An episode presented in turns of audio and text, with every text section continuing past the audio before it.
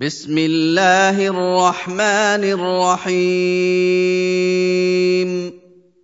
والمرسلات عرفا فالعاصفات عصفا والناشرات نشرا فالفارقات فرقا فالملقيات ذكرا عذرا أو نذرا.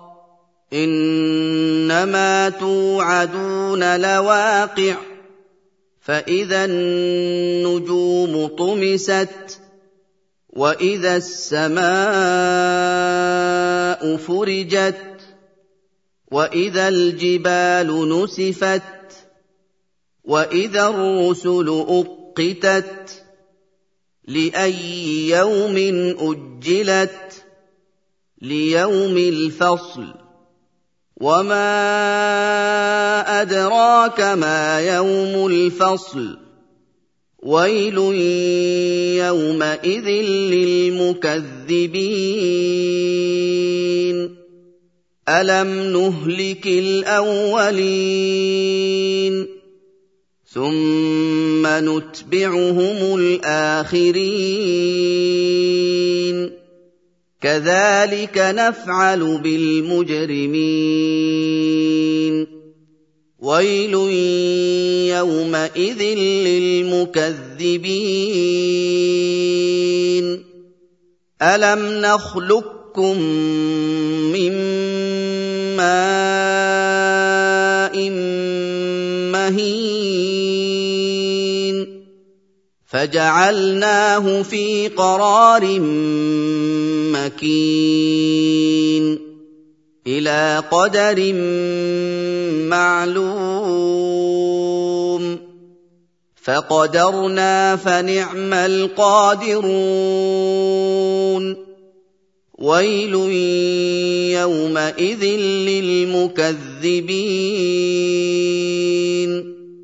الم نجعل الأرض كفاتا احياء وامواتا وجعلنا فيها رواسي شامخات واسقيناكم ماء فراتا ويل يومئذ للمكذبين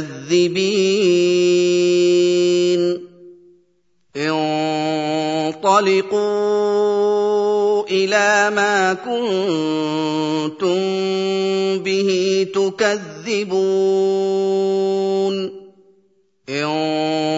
انطلقوا إلى ظل ذي ثلاث شعب لا ظليل ولا يغني من اللهب. إنها ترمي بشرر كالقصر كأنه جمالة صفر. ويل يومئذ للمكذبين. هذا يوم لا ينطقون ولا يؤذن لهم فيعتذرون ويل يومئذ للمكذبين هذا يوم الفصل جمعناكم والاولين فإن كان لكم كيد فكيدون. ويل يومئذ للمكذبين. إن المتقين في ظلال وعيون. وفواكه مما يشتهون. كلوا واشربوا هنيئا